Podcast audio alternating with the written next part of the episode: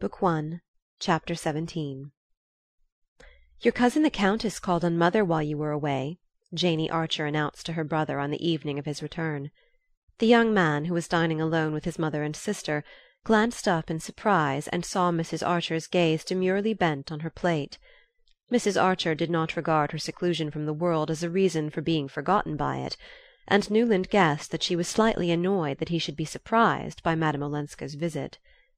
"She had on a black velvet polonaise with jet buttons, and a tiny green monkey muff. I never saw her so stylishly dressed," Janey continued. She came alone, early on Sunday afternoon. Luckily the fire was lit in the drawing room. She had one of those new card cases. She said she wanted to know us because you'd been so good to her." Newland laughed. "Madame Olenska always takes that tone about her friends. She's very happy at being among her own people again."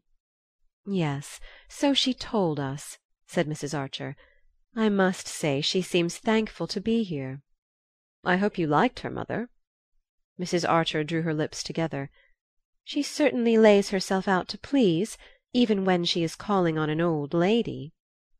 "Mother doesn't think her simple," Janey interjected, her eyes screwed upon her brother's face. "It's just my old fashioned feeling. Dear May is my ideal," said Mrs. Archer. "Ah," said her son, "they're not alike." Archer had left St. Augustine charged with many messages for old Mrs. Mingott, and a day or two after his return to town he called on her. The old lady received him with unusual warmth; she was grateful to him for persuading the Countess Olenska to give up the idea of a divorce; and when he told her that he had deserted the office, without leave, and rushed down to St. Augustine simply because he wanted to see May, she gave an adipose chuckle and patted his knee with her puffball hand. "Ah, ah! So you kicked over the traces, did you? And I suppose Augusta and Welland pulled long faces, and behaved as if the end of the world had come. But little May, she knew better, I'll be bound." "I hoped she did; but after all she wouldn't agree to what I'd gone down to ask for." "Wouldn't she, indeed? And what was that?" "I wanted to get her to promise that we should be married in April. What's the use of our wasting another year?"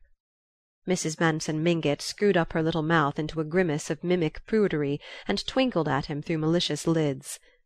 "Ask mamma, I suppose. The usual story. Ah, these Mingotts, all alike! Born in a rut, and you can't root 'em out of it. When I built this house you'd have thought I was moving to California. Nobody ever had built above Fortieth Street. No, says I, nor above the Battery either, before Christopher Columbus discovered America. No, no, not one of them wants to be different; they're as scared of it as the smallpox. Ah, my dear Mr. Archer, I thank my stars I'm nothing but a vulgar spicer. But there's not one of my own children that takes after me but my little Ellen." She broke off, still twinkling at him, and asked, with the casual irrelevance of old age, "Now why in the world didn't you marry my little Ellen?" Archer laughed. "For one thing, she wasn't there to be married." "No, to be sure; more's the pity. And now it's too late. Her life is finished." She spoke with the cold blooded complacency of the aged throwing earth into the grave of young hopes. The young man's heart grew chill, and he said hurriedly: "Can't I persuade you to use your influence with the Wellands, Mrs. Mingott? I wasn't made for long engagements." Old Catherine beamed on him approvingly. "No, I can see that. You've got a quick eye.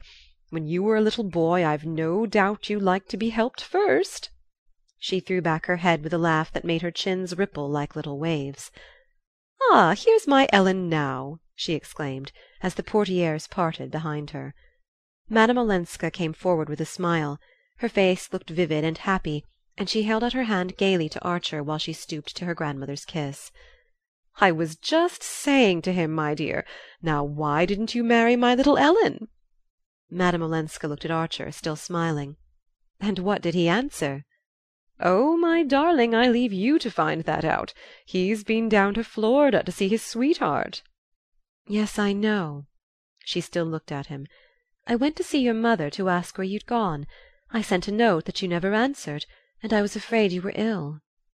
He muttered something about leaving unexpectedly, in a great hurry, and having intended to write to her from St. Augustine. "And of course once you were there you never thought of me again?"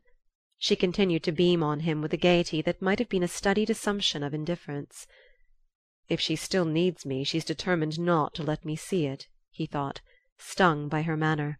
He wanted to thank her for having been to see his mother, but under the ancestress's malicious eye he felt himself tongue tied and constrained. "Look at him! In such hot haste to get married that he took French leave and rushed down to implore the silly girl on his knees. That's something like a lover. That's the way handsome Bob Spicer carried off my poor mother and then got tired of her before I was weaned, though they only had to wait eight months for me. But there, you're not a Spicer, young man, luckily for you and May. It's only my poor Ellen that has kept any of their wicked blood. The rest of them are all model Mingotts cried the old lady scornfully. Archer was aware that Madame Olenska, who had seated herself at her grandmother's side, was still thoughtfully scrutinizing him. The gaiety had faded from her eyes, and she said with great gentleness, "Surely, granny, we can persuade them between us to do as he wishes." Archer rose to go, and as his hand met Madame Olenska's he felt that she was waiting for him to make some allusion to her unanswered letter. "When can I see you?" he asked as she walked with him to the door of the room. "Whenever you like; but it must be soon if you want to see the little house again. I am moving next week." A pang shot through him at the memory of his lamplit hours in the low studded drawing room. Few as they had been, they were thick with memories. "Tomorrow evening?" She nodded. "Tomorrow, yes; but early. I'm going out." The next day was a Sunday, and if she were going out on a Sunday evening it could of course be only to Mrs. Lemuel Struthers. He felt a slight movement of annoyance, not so much at her going there, for he rather liked her going where she pleased in spite of the van der Luydens, but because it was the kind of house at which she was sure to meet Beaufort, where she must have known beforehand that she would meet him, and where she was probably going for that purpose. "Very well. Tomorrow evening," he repeated inwardly resolved that he would not go early, and that by reaching her door late he would either prevent her from going to Mrs. Struthers or else arrive after she had started; which, all things considered, would no doubt be the simplest solution. It was only half past eight, after all, when he rang the bell under the wistaria; not as late as he had intended, by half an hour, but a singular restlessness had driven him to her door. He reflected, however, that Mrs. Struthers's Sunday evenings were not like a ball and that her guests, as if to minimize their delinquency, usually went early. The one thing he had not counted on, in entering Madame Olenska's hall, was to find hats and overcoats there. Why had she bidden him to come early if she was having people to dine? On a closer inspection of the garments beside which Nastasia was laying his own, his resentment gave way to curiosity. The overcoats were, in fact, the very strangest he had ever seen under a polite roof and it took but a glance to assure himself that neither of them belonged to Julius Beaufort. One was a shaggy yellow ulster of reach-me-down cut, the other a very old and rusty cloak with a cape, something like what the French call a Macfarlane.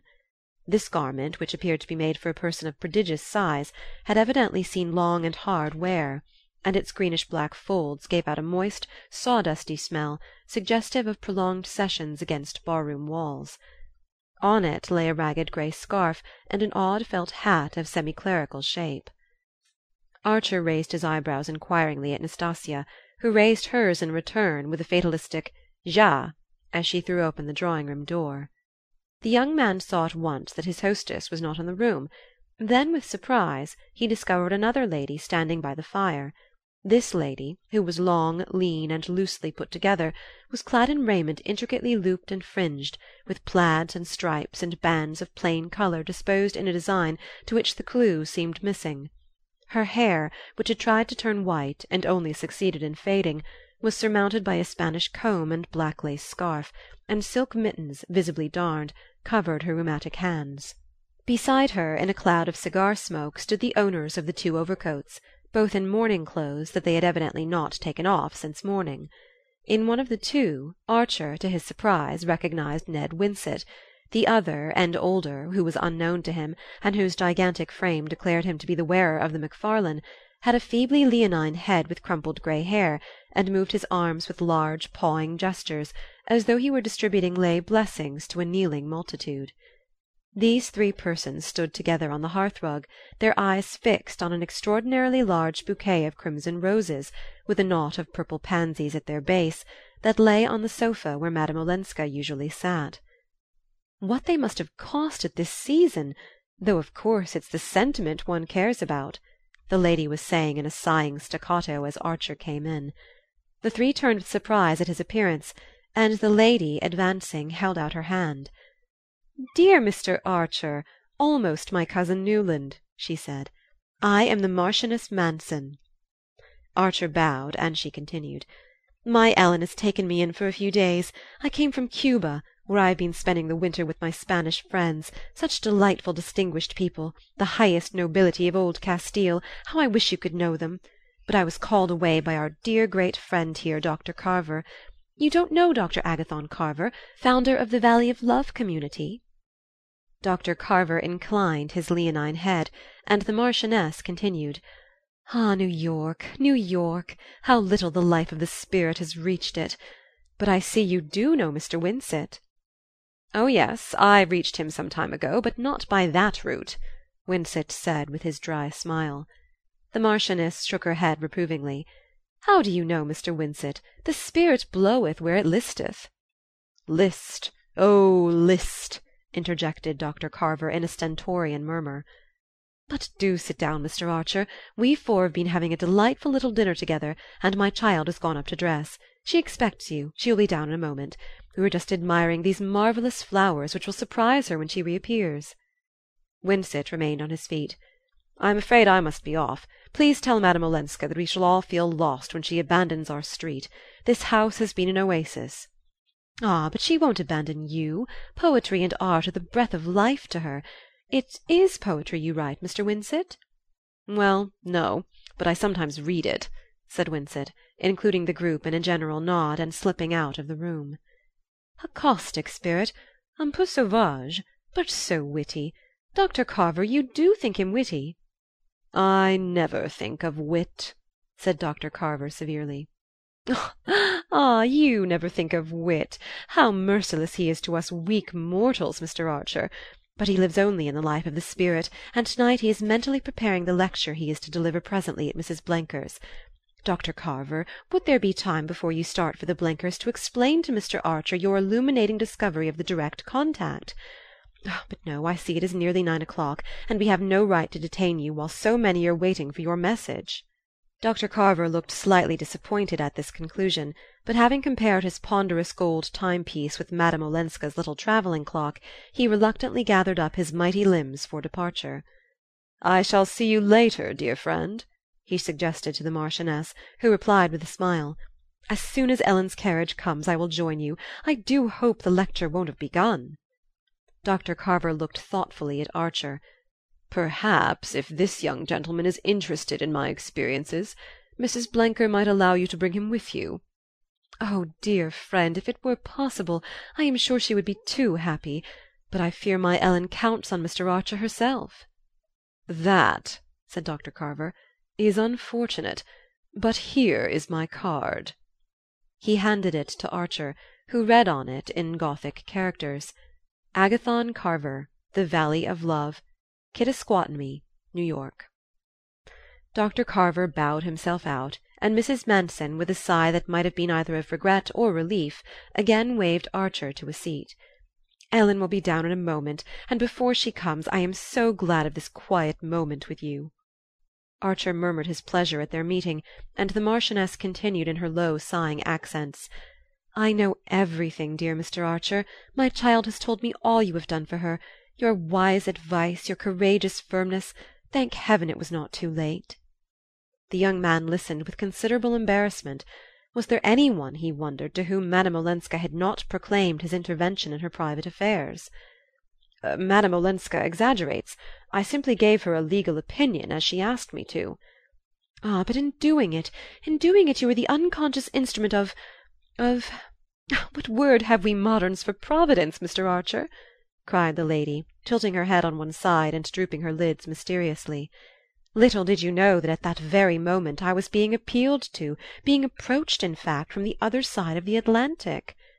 She glanced over her shoulder, as though fearful of being overheard, and then drawing her chair nearer and raising a tiny ivory fan to her lips, breathed behind it: "By the Count himself, my poor mad foolish Olenski, who asks only to take her back on her own terms." "Good God!" Archer exclaimed, springing up. "You are horrified? Yes, of course, I understand. I don't defend poor Stanislas, though he has always called me his best friend. He does not defend himself; he casts himself at her feet in my person." She tapped her emaciated bosom. "I have his letter here." "A letter? Has Madame Olenska seen it?" Archer stammered, his brain whirling with the shock of the announcement. The Marchioness Manson shook her head softly. "Time, time! I must have time. I know my Ellen, haughty, intractable, shall I say just a shade unforgiving?" "But, good heavens, to forgive is one thing; to go back into that hell "Oh yes," the Marchioness acquiesced. "So she describes it, my sensitive child! But on the material side, Mr. Archer, if one may stoop to consider such things, do you know what she is giving up? Those roses there on the sofa acres like them, under glass and in the open, in his matchless terraced gardens at Nice. Jewels, historic pearls, the Sobieski emeralds, sables but she cares nothing for all these. Art and beauty, those she cares for, she lives for, as I always have, and those also surrounded her. Pictures, priceless furniture, music, brilliant conversation ah, that, my dear young man, if you'll excuse me, is what you've no conception of here. And she had it all, and the homage of the greatest. She tells me she is not thought handsome in New York. Good heavens! Her portrait has been painted nine times. The greatest artists in Europe have begged for the privilege. Are these things nothing? And the remorse of an adoring husband?" As the Marchioness Manson rose to her climax, her face assumed an expression of ecstatic retrospection which would have moved Archer's mirth had he not been numb with amazement. He would have laughed if any one had foretold to him that his first sight of poor Medora Manson would have been in the guise of a messenger of Satan; but he was in no mood for laughing now, and she seemed to him to come straight out of hell from which Ellen Olenska had just escaped. "She knows nothing yet of all this?" he asked abruptly. Mrs. Manson laid a purple finger on her lips. "Nothing, directly; but what does she suspect? Who can tell? The truth is, Mr. Archer, I have been waiting to see you. From the moment I heard of the firm stand you had taken, and of your influence over her, I had hoped it might be possible to count on your support, to convince you "That she ought to go back? I would rather see her dead!" cried the young man violently. "Ah!" the Marchioness murmured, without visible resentment. For a while she sat in her arm chair, opening and shutting the absurd ivory fan between her mittened fingers; but suddenly she lifted her head and listened. "Here she comes," she said in a rapid whisper; and then, pointing to the bouquet on the sofa, "Am I to understand that you prefer that, Mr. Archer? After all, marriage is marriage, and my niece is still a wife."